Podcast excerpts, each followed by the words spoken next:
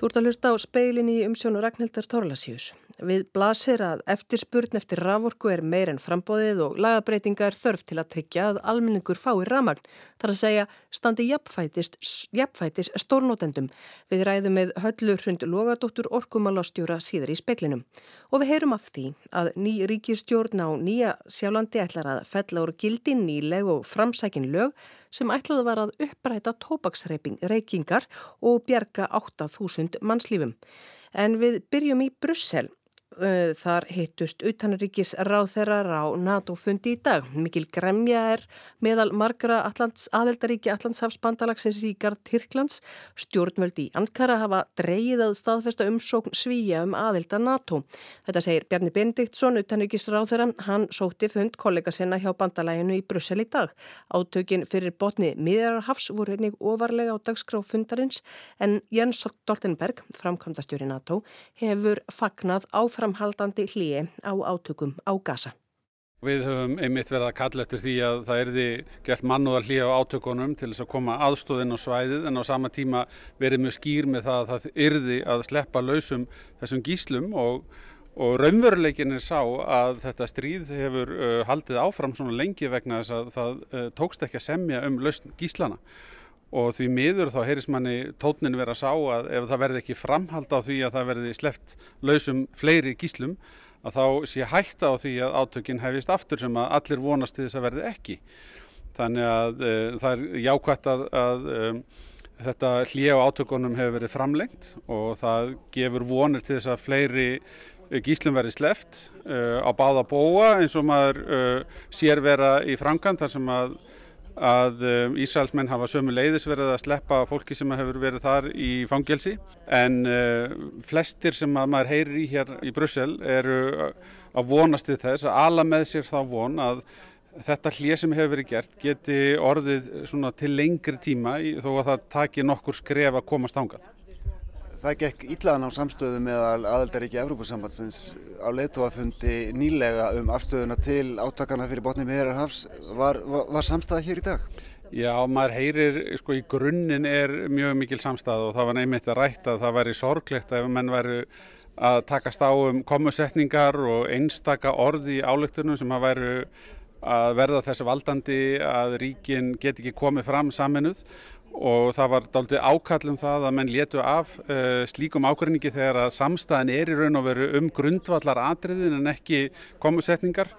Það eru allir að uh, kalla eftir því að uh, það veri fundin leið í átt að varanlegum friði og tveggja ríkja lausn en það gera sér á sama tíma allir grein fyrir því að það getur verið langtíma markmið. Það þarf að svona, um, byggja upp þessa stöðu frá grunni að nýju Uh, gríðarlega erfið staða pólitist uh, en líka bara út frá mannúðarsjónameði í augnablikinu og uh, í augnablikinu verður aðteglin að vera á þörfinni fyrir aðstóð.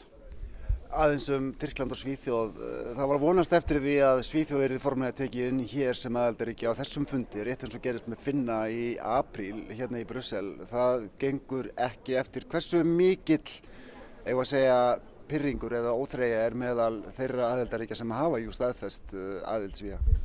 Jú, það hefur komið fram frá mjög mörgum aðeldaríkjum uh, mikil gremja með það að þetta skuli taka þetta langan tíma og ég nota tækifæri til þess að koma því á framfæri uh, fyrir okkar hönd sömu leiðis að við höfum gert ráð fyrir því að það væri búið að samþykja Svíþjóð inn til dala uh, langt ferli sem að tveir eiga eftir að klára fyrir sitt leiti og á tímum sem þessum þar sem að eh, NATO þarf að sína mikla samstöðu og eh, styrk að þá er þetta aðeins að trubla en eh, við skulum bara áfram trúa því að máli sé alveg á loka metrunum. Tyrki, sko, Tyrki utaríkisráþurinn hefur vantilega verið yndur eftir stöðu mála í Tyrklandi á þessum fundi. Hver er svarað? Ég hef verið að fylgjast með þessu núna undanförnum vikum og maður hefur verið að ala með sér þá vona að þetta væri bara dagaspursmál en Í dag var þessu daldið svarað svona óljóst og vísa til þess að geti tekið einhverja vikur í, í viðbót en, en hvort að það er eh, ein vika eða mjög margar vikur sem geta sapnast í mánuði, það var alveg látið hanga í lausu lofti. Svona eitt á lokum, eh, þetta er þinn fyrsti fundur eh, sem auðarrikiðsáður hér hjá NATO, svona þín upplifun af þessu þú kannski stekkur að vissiluti út í djúblegin að það er margt á dagskrá, marg stór mál sem að brenna á á þér og þínum kollegum hér? Jú, það er alveg rétt. Það er, um, vill nú þannig til að það er tölvöld mikil reyfing hér á auðarriksráþarra hópnum og ég held að ég hafi tekið rétt eftir að vera 15 nýjar auðarriksráþarra á þessum fundi en uh, mér fannst vera uppbyggileg stemming á þessum fundi og, og mér fannst það mega nánast finna fyrir áþreifanlega sko, viljan til þess að standa með Úkrænu sérstaklega og þörfinni fyrir samstöðu. Og það var vísa til þess hversu mikill sameilegu styrkur er á bakvið þessi ríki sem eru hér samankomin til dæmis bara efnahagslega.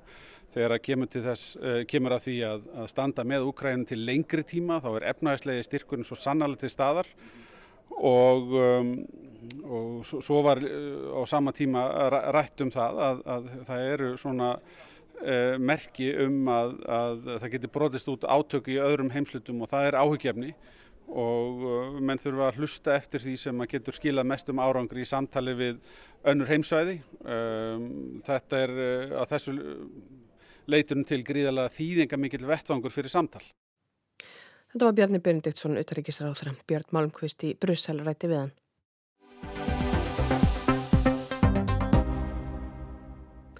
Umhverfis orgu og loftslags ráðuramælti í oktober fyrir breytingum á rafurku lögum. Frumvarp hans var lagt fram á fyrarþingi en náði ekki fram að ganga. Því er ætlað að styrkja raforku öryggi almennings, forgang fólks og smæri fyrirtækja ef grípa þarf til skömmtunar. Eftir spurn eftir ramagni hefur aukist hröðum skrefum og hraðar en nefnur frambúði. Halla Hrund Logadóttir, orkumálástjóri, segir að eins og er sé hægt við því að almenningur verði undir í samkeppni um rafmagn. Staðan í kerfinu sé ákaflega þröng. Gríðala mikil umfram eftir spurn erum í raun og veru búin að að ganga það langt að það er hægt á því að almenningur verði undir í samkeppninni um raforku sem þýðir þá að það er ekki orka til staðar. Við sjáum að það er afar uh, slæm staða í lónum landsvirkjunar sem að byrtist meðal annars í því að landsvirkjunar byrjuð að skerða á sína uh, notendur sem eru með þess konar samninga þannig að það er fyrir séð að það verði kröpp staða uh, fyrir raforku þörf almennings eh, á næstu mánuðum og eins og laugin eru núna í dag að þá eru engar heimildir til að grýpa inn í svoleiðis aðstæður og það er mjög mikilvægt að breyta því eigi almenningur ekki að verða undir eh, á svoleiðis stundu. En kemur það ekki að sjálfu sér að almenningur yrði ofan á ef hann væri einfallega bara tilbúin að greiða að hæra verð fyrir raforkuna? Þetta eru eðlis ólíki notendur stór eh, fyrirtæki sem er að nota gríðala mikið magna orku, eh, stóriði á aðrir, eru að tryggja sitt magn til langs tíma, eru með mjög sterka samningsstöðu á meðan að almenningur hefur ekki sambarlega samningsstöðu, er ekki að kaupa jafn mikið magn, er ekki með jafn sterka samninga og annað. Þannig að það er ekki hægt að bera þessa tvo notendur saman. Það var þannig til 2003 að almenningi var tryggð rávorka. Það var einfallega landsvirkjun sem að bar ábyrða því að það væri aldrei þannig að hefbundin heimili og fyrirtæki getu lend undir í samkjöfninni en síðan breytist það með einlengu lögjafar 2003 og við sjáum það á stöðunni eins og núna dag hversu brínt er að laga það að gera aftur þessar úrbætur sem að hefur verið þörf á lengi. Í grundallar aðurum þá snýst þetta um samkeppni. Og það er augljóst að fyrirtækin í landinu eru tilbúin að borga miklu harða verð fyrir raforku heldur en þau voru tilbúin að greiða bara fyrir nokkurum árum. Og þau eru í rauninni tilbúin að greiða það verð sem að almenningur er og hefur verið að greiða sem hefur yfirleitt greitt hæsta verðið fyrir raforkuna. Samþygt svona frumvarp væri þá ekki líka verið að samþykja það að í rauninni að niðugreiða orku til almennings það frumvarp eða svo breytingatilla sem liggur fyrir gefur ákveðnar heimildir þar að segja ef þörfur á við ákveðnar aðstæður á að grýpa inn í til þess að tryggja að það fari orka til almennings, til fyrirtækja sem eru að selja til heimila. Þannig að, að það er mjög skamt gengið í inngripi, þetta tryggir í raun og veru ekki 100% raforku öryggi heimila. Ég vil líka segja, almenningur eru, við erum að tala um heimilin er í kringum 45% af, nota um 45% af orku í landinu og við erum að tala um það að gera ákveðna breytingar sem hafa í sjálfu sér ekki áhrif á samkeppni á stórnótenda hliðinni. Aftur það eru aðilar sem að eiga að keppa í verðum á að vera mjög virk samkeppni en þegar kemur á almenningi þá er verið að horfa á það að koma honum í ákveði skjól endari er raforka til heimila til fyrirtækja. Þetta eru bara grundvallar þarfir samfélags eins og heilbreyðstjónusta og annað og skiptir því máli að heimilin séu í, í ákveðnu vari stöðugt eins og allar aðrar Evrópuþjóðir hafa verið að stíga skref og þessar heimildir sem að hér er verið að horfa á í þessu frumvarfi eh, ganga miklu skemur en það er heimildir sem að Evrópulögjöf eftir úkrænustriði sérstaklega leifir okkur að ganga. Enga á síður, ef þú horfur bara til landa eins og Norregs, þar hefur verð á rávorku hækkað mjög vegna þess að það eru ekki einn senkjefni um rávorkuna. Er hægt að hafna því með öllu að það væri verið að niðugreiða orku til almennings ef fyrirtækin eru tilbúin að greiða herra orkuverð heldur en almenningur? Í raun og veru í má kannski segja að í lókuðu kjærfeins okkar að þá er það aðeins öðruvísi staða heldur en á Evrópumörkuðum þar sem að það þýðir að ef að mikið magnir selt til eins aðla þá er þetta að kaupa orku annar stað frá. Við búum hér í lókuðu kjærfi sem þýðir það að ef að það er selt eh, skindilega mikið magn frá almenningi þá er engin önnu raforka að koma til staða hrattin í kjærfi. Þetta eru allt aðrar aðstæður heldur en á flestum öðrum orkumörkum ef svo maður segja. Ég held að skipti ótrúlega miklu máli að horfa á og það eru þetta alls konar leiðir í útfæslum til þess að tryggja rávorkuöryggi. Þú nefndir nú að reg það sem að stjórnvöld hafa ákveðið að greiða hreinlega niður eh, rávorkuna til almenning sem að er miklu meira yngripp í sjálfu sér heldur en þessi leið sem að er verið að fara í þessu frumvarfi. En ég held að sé ákveðlega mikil að þannig verið að stíga lítið skref sem að er þó skref til bóta fyrir ráðurkvörki almennings. Það tryggir það ekki að fullu en gerir það verkum að það eru minni líkur á því að heimilin verði undir í samkjöfni. Það er ljóst að það eru ákveðin fyrirtæki sem setja sig upp að móta þessu frumvarfi. Af hverju heldur að fyrirtækin sé að setja sig upp að móta þessu? Það eru auðvitað ólíkir hagsmunir. Það eru hagsmunir aðila á markaði, það eru hagsmunir aðila sem eru að selja rávorku sem að vilja fá að selja hana til þeirra stórnótenda sem eru að vilja kaupa meira. Og við sjáum að það er mjög mikil eftirspurt frá ólíkum yðnaði, gagnaver, landeldi, álver, sama hverjir það eru af stórnótendum, það er eh, mikil vilja til þess að kaupa meiri ráorku og þar alveg eru sterkir hagsmunir. En aftur á móti. Það er mikilvægt að hafa í huga hér að við erum að tala um heimilin landinu sem eru 5% af markanum Við erum að tala um orku öryggis sjónamið. Þetta er ríkt samfélagsmál orku öryggis sjónamið sem að skiptir máli að sé í lægi og ég tek aftur fram. Þetta er eitthvað sem er verið að horfa á allstæðar í löndunum við kringum okkur. Þetta er ekki neinn sér Íslands krafa. Saði Hallar Hundlu og dóttir Orkumálustjóri, Benedikt Sigursson rætti við hana. Og í dag var svo drift á alþingi frumvarfi atfinnu vega nefndar um breytingar á raforku lögum og bætt við ákveði sem gildir úr 2025 og flutt aðbeðinni umhverfis ráð þeirra. Formaði nefndarinnar um, sem var einn Róma segir að óttast hafi verið að frumvarpa ráð þeirra digði ekki til að tryggja rávorku öryggi almennings. Nýju ákveði er ætlað að tryggja aðgang almennings og smæri fyrirtækja að forgangsorku. Hann vonar að mælt verði fyrir málinu á morgun og því lokið fri jól.